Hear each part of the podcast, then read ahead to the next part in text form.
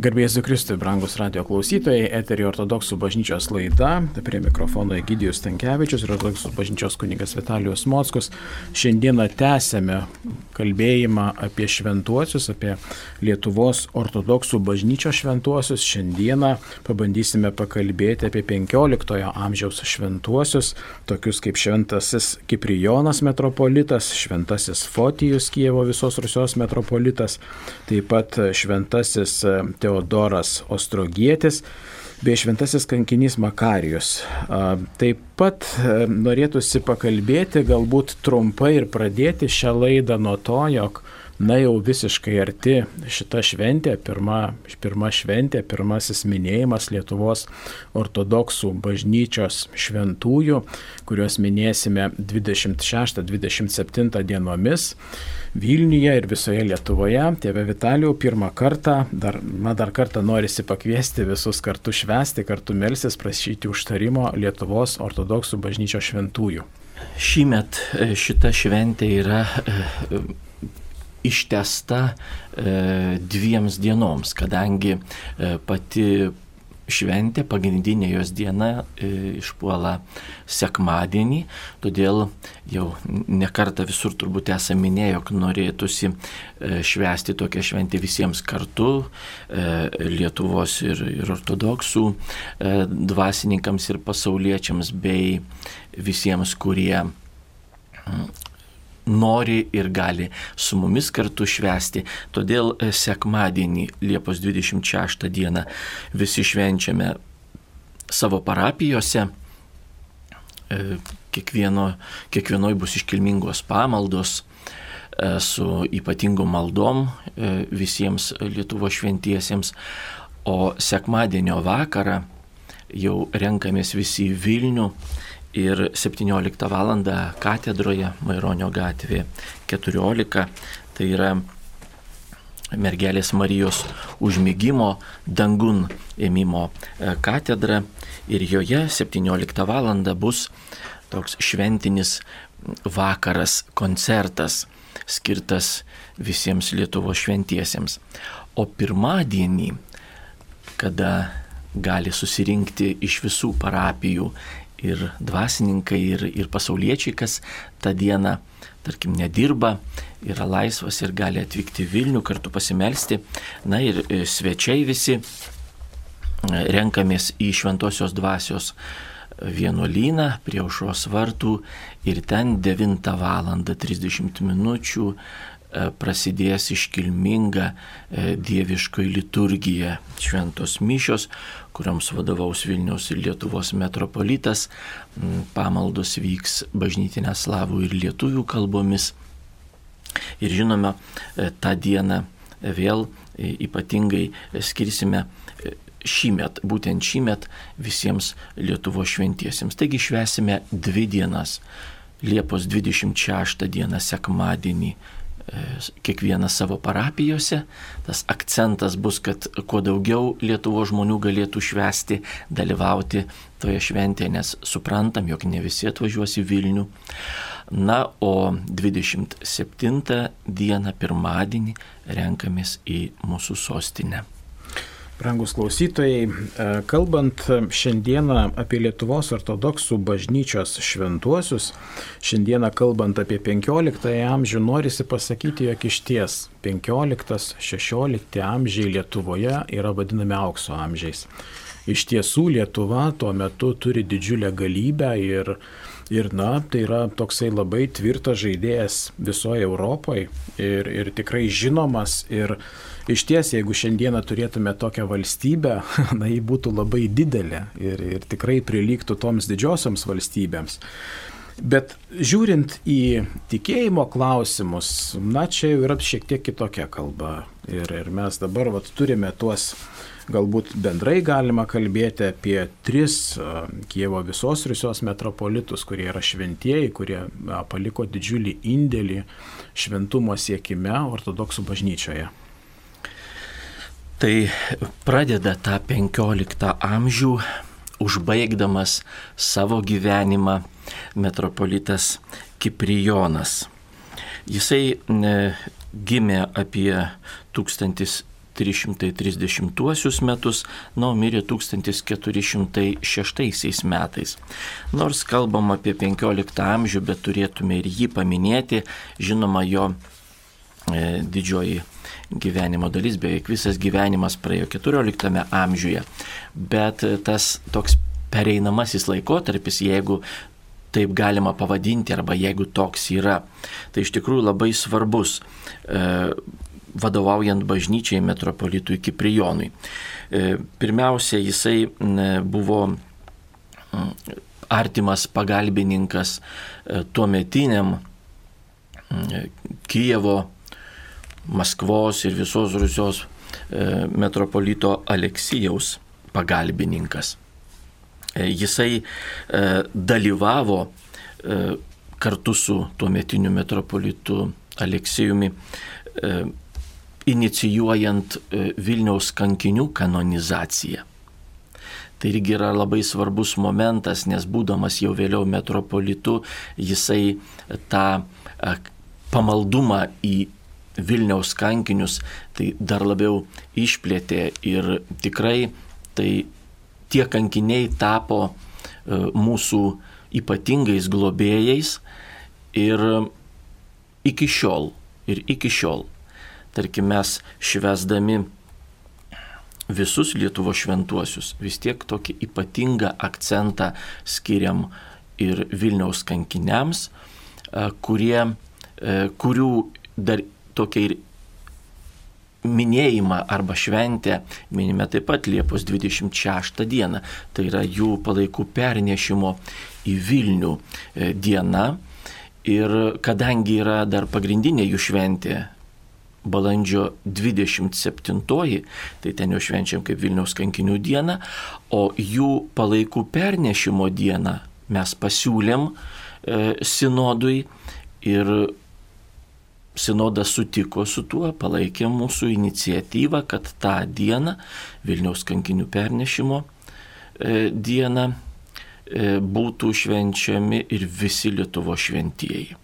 Tai todėl ta diena vėl ypatingai yra akcentuojama. Bet svarbiausia, kad žinoma, jų palaikai ir dabar yra Vilniaus šventosios dvasios vienuolinė ir jie, na, mūsų globėjai yra per visą sakysim, istoriją e, ortodoksų bažnyčios čia Lietuvoje nuo 14 amžiaus, nuo savo kankinystės iki šių dienų ir, ir turbūt, turbūt tokie na, žinomiausi šventieji, žinomiausi šventieji Lietuvoje ir tuo labiau juos galima pamatyti ir pasimelsti prie jų palaikų. Ir štai kaip Jonas dalyvavo kartu su metropolitu Aleksijumi e, kanonizuojant e, Vilniaus kankinius, kada po Aleksijaus mirties. Dar vienas buvo metropolitas, paskui jisai jau išrinktas metropolitu, labai rūpinosi, kaip ir tais laikais na, buvo viena iš tokių pagrindinių pagrindinių e, rūpešių e, bažnyčios e, hierarchams stengtis išlaikyti gerus santykius su valdovu. Tuo metu Lietuvą valdė didysis kunigaištis Vytautas ir teko Kiprijonui daug su juo bendrauti. Teko rūpintis bažnyčios gerovę ir jisai paliko tokį e, pėtsaką, indėlį e, Lietuvoje ne tik kaip tiesiog bažnyčios vadovas, kuris ten buvo geras administratorius, bet ir iš tikrųjų maldo žmogus. Jisai labai rūpinosi švietimu, jisai e, stengiasi, kad Lietuvoje na, ir pamaldumas toks ypatingas, turbūt atkreiptas dėmesys ypatingas žmonių į, į, į pamaldumą, į, į moralę, dorovę. E, ir labai labai e, rūpinosi dar ir e, dvasininkų, kunigų, diakonų gyvenimu, būtimi ir žinoma jų e, dvasinių lygių. Tai todėl štai Kiprijonas yra vienas iš tų tokių, na, išskirtinių, sakysim taip, e, metropolitų. Jisai e, mirė 1406 metais 15 amžiaus pačioj pradžioj ir buvo toks, sakysim, e, impulsas tai 15 amžiaus bažnytinį gyvenimą. E, Lietuva tada buvo stipri, Lietuva tada buvo didelė ir Lietuvos gyventojų, tuometinės Lietuvos gyventojų, e, Rusienų, e, dabartinė Baltarusijos, e, Ukrainos teritorijos, e, tai buvo e, krikščionys ortodoksai, absoliuti dauguma. Ir todėl e, tos Lietuvos visuomenės, Lietuvos žmonių dalies ir pamaldumas, ir jų pažiūros, apskritai ortodoksų bažnyčia, žinoma, turėjo didelį tokį vaidmenį tuometinėme Lietuvos gyvenime. Kitas metropolitas Fotijus. Jisai mirė 1431 metais, neužilgo po Vytauto, e, kunigaikščio Vytauto e, mirties. Jis buvo graikas. Jam e, teko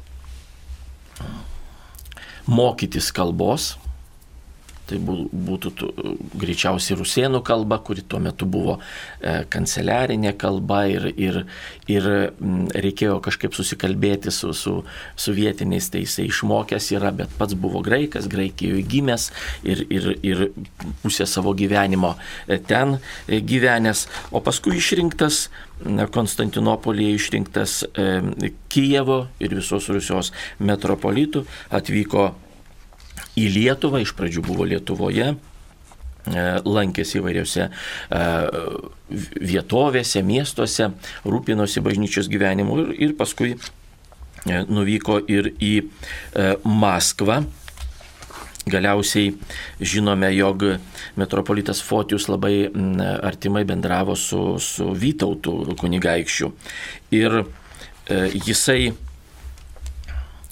stengiasi vėl na, savo veikloj, savo uh, užsibrėžė tokį tikslą, kad tarp Lietuvos didžiosios kunigaištystės ir na, na, Maskvos kunigaištystės būti tokiu žmogum, kuris e, stengtųsi na, tuos aštrius kampus kažkaip tai mm, suapvalinti, kad e, tikrai savo e, veikla jisai paveiktų ir politiką politiką. E, mes žinome, jog pagrindinis e, hierarcho ir bet kokio dvasininko mm, na, gyvenimo turbūt tikslas yra malda. Mes viešpati meldžiam, kad jisai E, mūsų gyvenimus paveiktų ir mūsų e, darbus paveiktų, e, nukreiptų reikiamą kryptim, kad jo valia būtų vykdoma. Ir štai iš tikrųjų tais laikais tai buvo sunku. Ir mes kalbėdami apie visus bažnyčios hierarchus, o ypač tie, kurie vadovavo tuo metu bažnyčiai, metropolitai, nu, toks tuo metu jų titulas buvo. Tai iš tikrųjų e, reikia suprasti, kaip tai buvo sunku. Nes laikai tikrai buvo e, nepaprasti, tai kartu ir didybės laikai, bet ir didžiosios politikos laikai. Ir e, tikrai reikėjo labai labai daug melstis, kad galima būtų ir orientuotis tuose procesuose ir kažkaip tai krikščioniškai, gražiai, tinkamai paveikti e, tam, kad žmonės na, stengtųsi krikščioniškai gyventi ir vadovautis krikščioniškomis pažiūromis, savo gyvenime. Tėve Vitalijau, norėtųsi dar taip pat paklausti, juk iš tiesų tuo metu tokios žiniasklaidos kaip dabar nebuvo, negalėjai paimti ir pasiskaityti, kas vyksta ten ar šiandien. Tu realiai turėjai kažkur tai, na, būti šalia ir girdėti ir jausti tą pulsą politinį patį. Taip, žinoma, bet mes gal taip jau visai e, nesuprimityvinkim tų laikų, e, na, e, visos turbūt valstybinio ir bažnytinio gyvenimo na, sistemos ir ir hierarchijos, nes a, taip nebuvo žiniasklaidos ir netaip greitai pasiekdavo mus ir kažkokie tai įvykiai, žinios apie tuos įvykius mes dabar momentaliai galim reaguoti. Ten vienam pasaulio krašte kas, kažkas įvyko, mes jau dabar žinom po, sakykime, po minutės. Bet tais laikais taip nebuvo ir tikrai reikėjo ir keliauti daug, ir galbūt laukti ilgiau, kol mes sužinosime, kas ten įvyko, arba žinodami, kas įvyko, kuo baigėsi, kokie rezultatai. Ir galiausiai vėl mūsų kažkokia tai reakcija ta anapusė irgi turi sulaukti, praeiti kažkiek laiko, bet tikrai dabar taip jau gal, e, na manykim, kad e, krikščionys turėtų maldoj pasitikti viską, ką girdi, ką mato ir kas vyksta, tai e, maldai tikrai buvo e, daugiau laiko, kad e, galima būtų reaguoti tinkamai. Pasimeldi, kol lauki to žinios viešpačiui, va, pasimeldi, kol kažkas į, į, sulauks mūsų reakcijos. Taigi, taigi bet kuriuo atveju tai turi ir savo privalumų, ir, ir, savo, ir savo trūkumų. E, šiais laikais mes visai kitaip žiūrim. Visai kitaip laukiam net tos reakcijos. Kaip čia dabar yra, vakar tai vyko, tu man tik šiandien pasakėjai. Ir mums dažnai sunku yra suprasti vat, tų laikų žmonės, bet jie kitaip gyveno, jie net nesuvokė, net negalėjo įsivaizduoti, kad galima, tarkim, nuvykti iš vieno taško į kito per valandą ar kelias valandas, tarkim, net ir per Lietuvą keliauti, kiek reikėjo, kol nuvyksi, arba kol tavo pasiuntinys koks ten nuneš laišką, raštą ar žinę kokią, tai laikas eina ir todėl atrodytų viskas taip yra lėčiau. Mes žinom ir iš visuotinės bažnyčios gyvenimo, kol surenka kokį tai e, suorganizuoja tarkim, bažnyčios susirinkimą, kol visi viskupai suvažiuoja. Kiek tai vėl kainuotų, kiek tai laiko užimtų svarbiausia ir, ir laukia ir e, kitasgi negali dar e, pranešti, ten paskambinti ir pasakyti, kad aš toj būsiu, to jau, to jau. Tai gal ten tą susirinkimą jau pradedam, nes nu, pasakyta, kad, kad e, pradėsim ten penktą dieną, o, o, o tie keli dar neatvykę, o jie vat, pasirodo 10 km nuo, to taško A, kur turi atvykti. Tai vad, aišku, tokių, tokių dalykų būdavo, bet ir to meto gyvenimas buvo lėtesnis. Tai buvo normalu, žmonės ne tai, kad prisitaikė, bet taip gyveno. Ir to, bet e, pabrėšiu, kad mums tai turėtų būti, na, svarbu tas laikas, laikas. Mes apie jį dabar vat, kalbam ir akcentuoju būtent laikas duotas krikščioniui tai apmąstymui ir maldai. Pagalvoji, kol, kol ten jau žinau, kad kažkas įvyko, kuo gali baigtis. Ne, ir jeigu taip, tai vat, aš tą padarysiu, jeigu taip, aš kitaip pasielgsiu, e, kaip man reaguoti, ką man pasakyti, ką man parašyti. Dar kas irgi labai svarbu, gal čia ne tiek mūsų laidos tema, bet tais laikais uh, žmonės, jeigu jau kažką sakydavo ar kažką rašydavo, tai, na, į tuos žodžius e, bandydavo sudėti tikrai daug prasmės. Mes skaitom uh, kronikas, kurios e, yra labai trumpos. Labai trumpos. Taip tokie kažkokie žinių rinkiniai, faktai paminėti. Na ir iš tų kelių žodžių jau dabar istorikai ten išskaito e, kažkokius tai, kažkokį tai foną, taip, kontekstą tų, tų įvykių. E, ir žinoma, tada ir, ir popieriaus tiek nebuvo, ir kompiuterių tuo labiau nebuvo, ir žmonės tiek daug nerašė. Ne todėl, kad popierių taupė, mes irgi dabar taupom, bet todėl, kad tais laikais, na vėl buvo, nu, tokios aplinkybės, toks supratimas. Ir jeigu aš jau kažką rašau, aš turiu parašyti taip, kad, kad tas žmogus suprastų, ką aš rašau. Ir kita vertus, na, nebuvo tokių e, vėl išsiplėtojusių, išsivyščiusių kažkokių tai socialinių ir, ir valstybinių santykių, kur dabar yra visokie nu, įstatymai, tiek e, smulkiai aprašantis, jeigu įvyks taip, o jeigu jis pagalvos taip, o jeigu tas pamanys taip, o jeigu tas e, traktuos tuos žodžius kitaip. Ir tai dar būna apgauna mus. Ir tai, va tas daugia žodžiavimas, noriu, kad pagautų ir klausytojų mintį mūsų daugia žodžiavimas toksai visur, kur įmanoma, e, kyla iš to, kad mes bijome būti apgauti. Arba norime apgauti. Ir čia pradedam rašyti va sutartys dabar kokios po 20-30 puslapių, ten viskas numatyta, nes jeigu tu nenumatysi, tai viskas, tai jau tada jokio ten garbė žodžio nėra, jokio ten nėra, kad ašgi žadėjau, ašgi pasakiau, visi girdėjo, visi ten 5 ir 15 žmonių.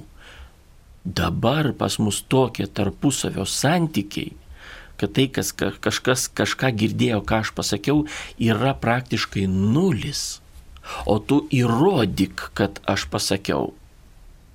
Ir tam yra va ta visa sistema advokatų, prokurorų, ko nori tik tai.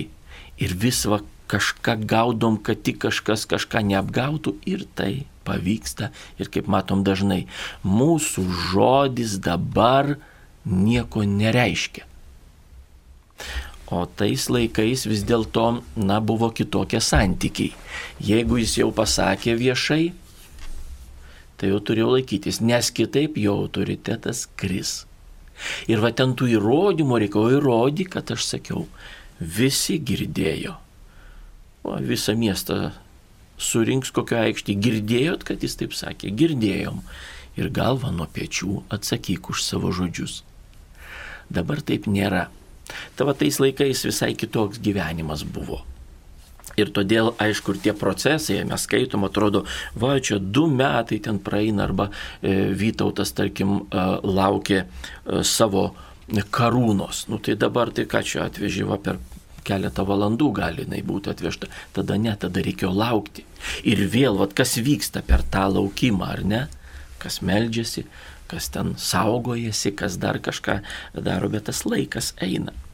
Ir todėl štai e, grįžtant prie metropolito Fotijaus, jisai turėjo, na, sakysim taip, gerus santykius su, su Vytautu. E, nežiūrinti tai, kad visko būna ir politikoje, ir, ir, ir kitur, ir visuomeniniam gyvenime, bet e, jisai buvo vienas iš svečių pakviestų į Vytauto karūnavimo šventę, kurios dar laukia, na štai karūna kažkur tai ten pakeliui ir Fotijus tarp kitų aukštų pakviestų svečių. Ir kada jau sužino, kad karūnos nebebus, kad jinai jau jos netveš, Vytautas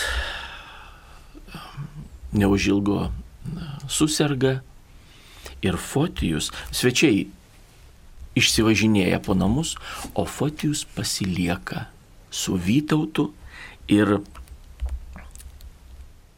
dar daug dienų su juo kalbasi, bendrauja, tame tarpe, kaip rašoma, jisai ir tokias e, pokalbiai dvasiniai vyko. Ir, ir galiausiai e, Fotijus yra jau išleidžiamas namo su didelėm dovanom ir pakeliui jau iš e, į savo, reiškia, rezidenciją pakeliui Naugarduke. Naugardukas dabar Baltarusijos teritorijoje, jisai sužino, kiek čia vat, važiuoti kito Naugarduko. Dabar, aišku, čia visai e, valandos dviejų klausimas, tada buvo gal poro, poros dienų, tai ir sužino apie Vytauto mirtį ir uoliai už jį meldžiasi. Ir štai žinoma, jisai buvo išsilavinęs žmogus ir irgi palikęs didelį pėdsaką ir didelį indėlį bažnyčios gyvenime. Ir dvasinėme, ir intelektualinėme, ir, ir pamaldų prasme jisai labai e, stengiasi, kad e, pamaldos ortodoksų bažnyčiose būtų na, iškilmingos, gražios, pagal rytą, kaip priklauso. Ypač irgi rūpinosi, kad kunigai išmoktų, tadagi nebūdavo seminarijų, tada mokėsi vieni iš kitų, arba vienuolynuose kažkur tai E, priimdavo tuos, tuos būsimus e, kandidatus, galbūt į, į, į dvasininkus, būsimus dvasininkus ir ten mokė juos, tai vad, kad jie išmoktų tinkamai ir tikrai reprezentuotų tą tokią, sakysim, bažnytinio gyvenimo, tą liturginę pusę tinkamai ir kad žmonės sakytų taip, kaip kadaise kunigaikščio Vladimiro pasiuntiniai Konstantinopolio katedroje, kada užėjo, išgirdo, kaip gėda, kaip pamaldos vyksta, kokios jos iškilmingos ir sako, e, sugrįžę, mes užėjom ir nežinojom, kur esam. Ar žemėje, ar dangui. Tai vat, taip turėtų būti ir jis vis Fotijus tai primindavo, vat, kad irgi žmonės užeina į bažnyčią ir jie suprastų, kad tai yra dangaus gabalėlis. Ir ta erdvė, ir tas laikas, kurį tu e, būni bažnyčioje, tai yra jau viena koja ten dangui, tėvo, e, tėvo buveinėse. Tai štai e, tokį na, turim, jisai mirė 1431 metais ir, ir a, buvo vienas iš tikrai hierarchų, kartu su Kiprijonu, kartu su Aleksijumi ir kartu su Makarijumi, apie kurį dabar dar kalbėsime, buvo e, tikrai e, žinomas ne tik kaip veikėjas kažkoks tai, bet kaip maldo žmogus ir kanonizuotas šventuoju. Dabar yra įtrauktas į mūsų Lietuvos šventųjų e, sąrašą grupę. Ir dar apie vieną šventai norėtųsi šiandien pakalbėti, tai yra jau 15 amžiaus pati pabaiga, tai yra e, Kijevo e, metropolitas Makarijus, kuris gyveno Vilniuje ir mes jau esam apie jį e, trumpai kalbėję vienoje iš laidų, bet šiandien vėl 15 amžius, čia pati pabaiga, jisai gimė apie 1400 427 metus, o mirė 1497 metais. Ne šiaip mirė, buvo nužudytas. Jisai buvo išrinktas Vilniaus švenčiausiosios trybės vienuolyno archimandritų vyresniuoju ir po metropolito E, mirties, Kievo metropolito mirties, jisai buvo 1395 metais išrinktas Kievo metropolitų, bet nuolat rezidavo Vilniuje, e, meldėsi tuo metinį ir, ir, ir dabar e, katedroje, dabar jinai katedra, tai švenčiausiosios mergelės Marijos užmygimo, dangų nemimo katedroje, kurioje ir vyks štai tas šventinis e, koncertas ir e, Vilniečiai ir svečiai galės aplankyti, kas gal dar nebuvę ir ten e, iki dabar yra jam dedikuotas altorius. Ir štai gyvendamas Vilniuje, o Kyivas tada buvo užpultas ir, ir išgrobstytas, apgriautas totorių ir jis negalėjo ten vykti ir nutarė reziduoti Vilniuje. E, su juo susijusi yra e, Vilniaus mergelės Marijos ikonos e, istorija. Jisai ją priėmė, kada, kada pasitiko Maskvos kunigaikščio Ivano III ir Bizantijos rytų Romos imperijos e, paskutinio imperatoriaus sesers Sofijos paleolog dukterį Eleną čia Vilniuje. Jinai ištekėjo už e, mūsų kunigaikščio Aleksandro ir 1495 e, metais štai atvyko į Vilnių ir atsivežė su savim e, tėvų palaiminimą.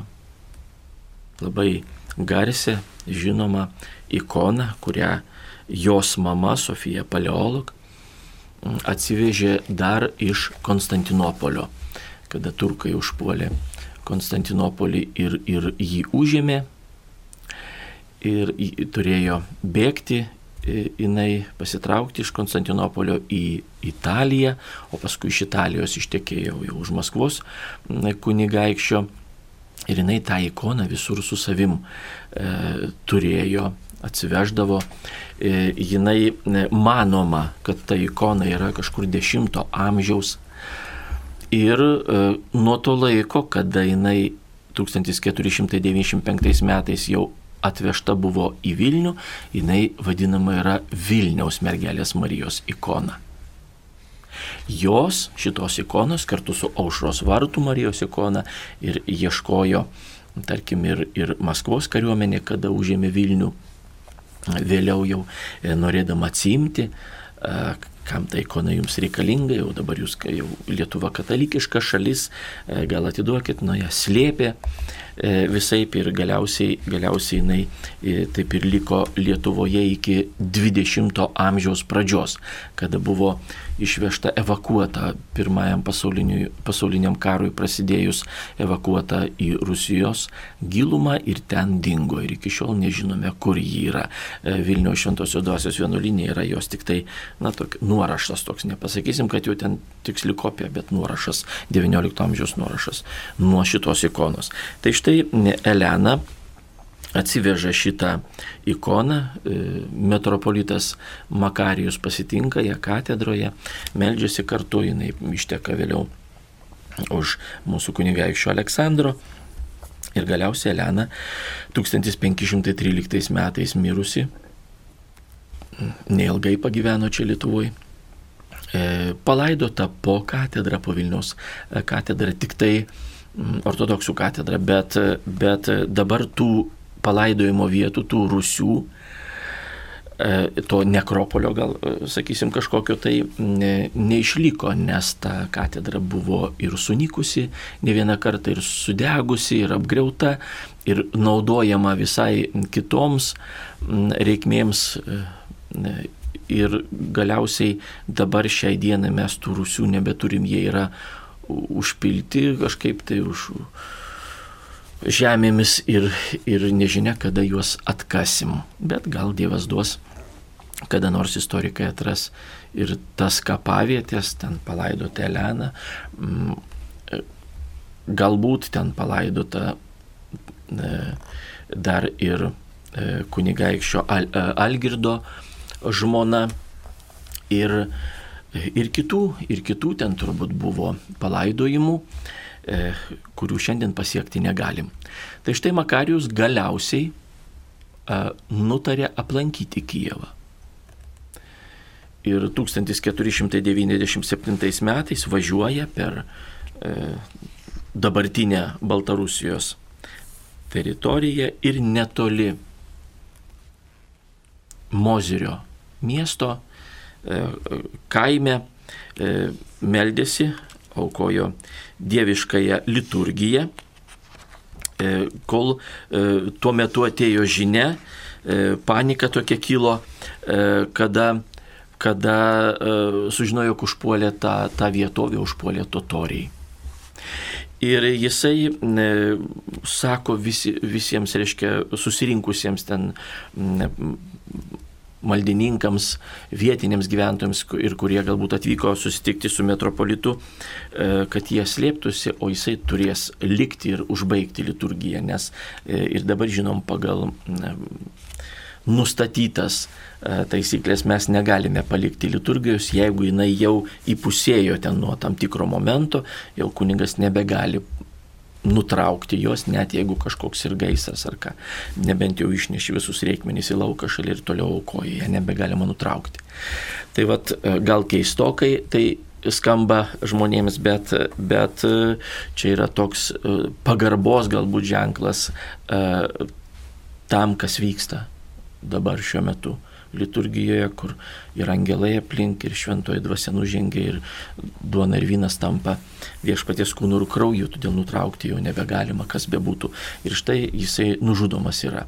Mums teko su parapiečiu būti na, visose, kiek žinome, vietų, kur susijusi su, su metropolito Makarijum ir tame tarpe jo nužudimo vietoje. Ten dabar tokia stela atminimo, su atminimo užrašu pastatyta, na ir galiausiai jo palaikai e, šiuo metu yra Kijeve, vienoje iš Kijevo katedrų. Ir ten mes prie jų irgi būna nuvažiuojam ir melžiamės. Tai galima sakyti, kad Makarijus yra Vilnietis. Tėve Vitaliau, dar taip pat laidai beveik į pabaigą einant galėtumėm aptarti ko gero ir paskutinį 15 e, amžiaus šventąjį. E, tai būtų šventasis Teodoras Ostrogietis. Nuostabi jo istorija yra. Gaila, kad, na, žinoma, laidos metu mes negalim taip jau smulkiai papasakoti visko, kas, kas žinoma, kas, kas surinkta yra, bet e, e tai ypatingas toks e, žmogus, ypatinga asmenybė. Jisai gimė apie 1360 metus, o mirė 1446 metais. Buvo na, Lutsko valdytojas ir, ir vėl bendraujantis su, su to meto valdovais, jis buvo kunigaikštis. Ostrogiškių, e, jo tėvas buvo Ostrogiškių giminės e, pradininkas, kuri ta giminė 300 metų Lietuvoje buvo žinoma ir, ir, ir ne vienas tos giminės atstovas, na, istorikams e, gerai žinomas yra ir tikrai buvo aktyvus mūsų valstybės, mūsų šalies veikėjai. Ir štai tas e, Teodoras e, dalyvavo Žalgirio mūšyje. Jo pulkai buvo e, tuometinio karaliaus Jogailos e, kariuomenėje, nes ten buvo Vytauto ir Jogailos kariuomenės. E, tai jisai Jogailos vadovaujamuose pulkuose buvo, pats vadovavo keliems pulkams ir tikrai nemažą indėlį nemažas jo indėlis buvo ir pergaliai Žalgirio mūšyje. Galiausiai jisai buvo aktyvus politinis veikėjas, e, palaikęs beje e, Švitrigailą. Nuolat. Kodėl? Todėl, kad Švitrigaila, nežiūrinti savo tokį galbūt charakterį, tokį ir kartais na, e, vieną sako, kitą daro ir labai dažnai keičia savo poziciją, savo nuomonę. Ir toks, sakysim, nelabai galbūt tinkamas, patikimas žmogus kuriuo galima būtų pasikliauti, bet vis dėlto jisai labai gerai e, bendravo su ortodoksais ir palaikė ortodoksų bažnyčią, palankus buvo visada ją ir todėl e, Teodoras vis buvo jo pusiai. Ir net kada jis buvo areštuotas, jį išlaisvino iš, iš, iš to, tos pilies, kuris buvo laikomas kalėjime, jie ten su draugais pasisamdė į tą pilį tarnauti ir galiausiai jį išleido.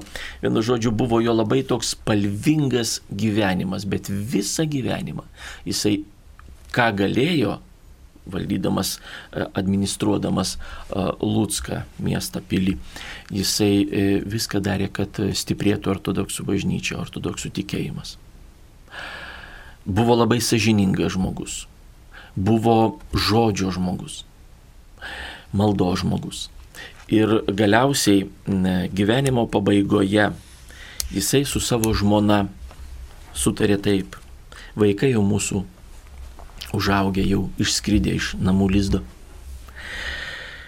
Ir mums teko tikrai, ir jisai pats suprato, kad toks gyvenimas, na, ypatingai, ne, ne, ne kažkoks tai ten ramus vasėdi ten namie ir meldiesi, valankai bažnyčia ir tiek, bet tikrai dalyvauti ir politinėse visokiose įvykiuose, su kuriuose tuo metu. Ir jisai su žmona sutarė, reikia melstį Dievą, kad atleistų mums, jeigu ką netai padarėm.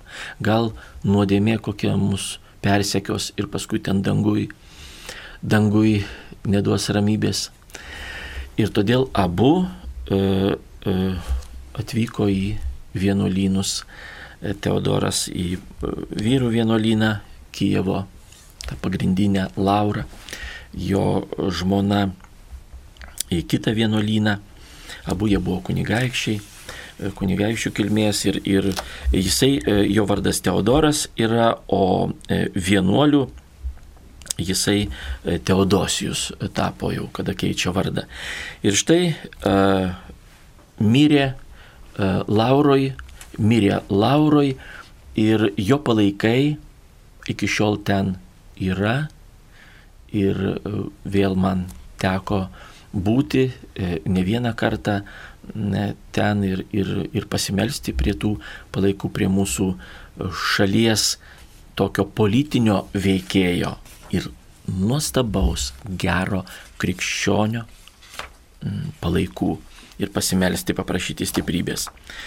Tai jeigu trumpai, vat, tas 15 amžius toks, kaip ir kiti amžiai, turi ir ypatingų to meto uh, žmonių, kurie paliko ne tik uh, pasaulietinę prasme kažkokį uh, savo pėtsaką istorijoje, bet svarbiausia, ir tai krikščionims yra na, svarbu ir, ir primintina kiekvieną kartą, svarbiausia, jie paliko dvasinį pėdsaką ir dvasinį palikimą.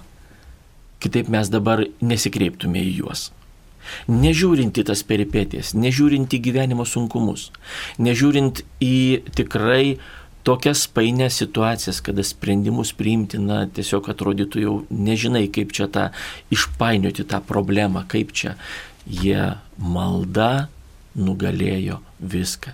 Jie Dievo vardu kartu su viešpačiu e, gyveno ir veikė. Ir todėl tai yra svarbiausia ir yra pavyzdys. Nežiūrint, kuo tu užsijimi. Ar tu esi bažnyčios vadovas, ar tu esi kunigas, ar tu esi kunigaikštis, ar valdovas, ar politikas, ar kas bebūtum. Visada, jeigu tu krikščionis, tu turi gyventi krikščioniškai kitaip nesivadink juo. Tai va toks pavyzdys tikrai yra mums, visi šitie žmonės yra pavyzdžiai nuostabus. Rangus klausytojai, laidai baigiantis, norėtųsi dar pasakyti, jog šiandieną kalbėjome apie Lietuvos ortodoksų bažnyčios 15 amžiaus šventuosius ir kitoje laidoje kalbėsime toliau, dar yra vienas likęs, daug apie jį nežinoma, bet tai taip pat 15 amžiaus šventasis, šventasis stebukladaris Tichonas. Tai kitoje laidoje apie, apie jį pakalbėsime. Dar laidai baigiantis norėtųsi priminti, jog pirmą kartą Lietuvoje, na šioje šioje dviejų tūkstančių metų istoriją krikščionybės švesime Lietuvos ortodoksų bažnyčios šventųjų minėjimą, kuris bus 27 dieną. Ir iš ties, jeigu yra galimybė kažkam atvykti ar kartu pasimelsti, būti kartu, kaip visuomet laidos pabaigoje sakome, melskimės vieni už kitus, tai yra tas momentas, kada Na, ortodoksų bažnyčia melsis už visą Lietuvą ir iš ties, ko gero, didžiausia malda ir didžiausias palinkėjimas, kad Lietuvoje atsirastų dar šventųjų, kad, na, nesibaigtų ši nuostabi istorija. Brangus Marijos radio klausytojai, ačiū, kad buvote kartu. Laidą vedė ortodoksų bažnyčios kunigas Vitalijus Mockus ir aš Egidijus Tankievičius. Melskimės vieni už kitus sudė.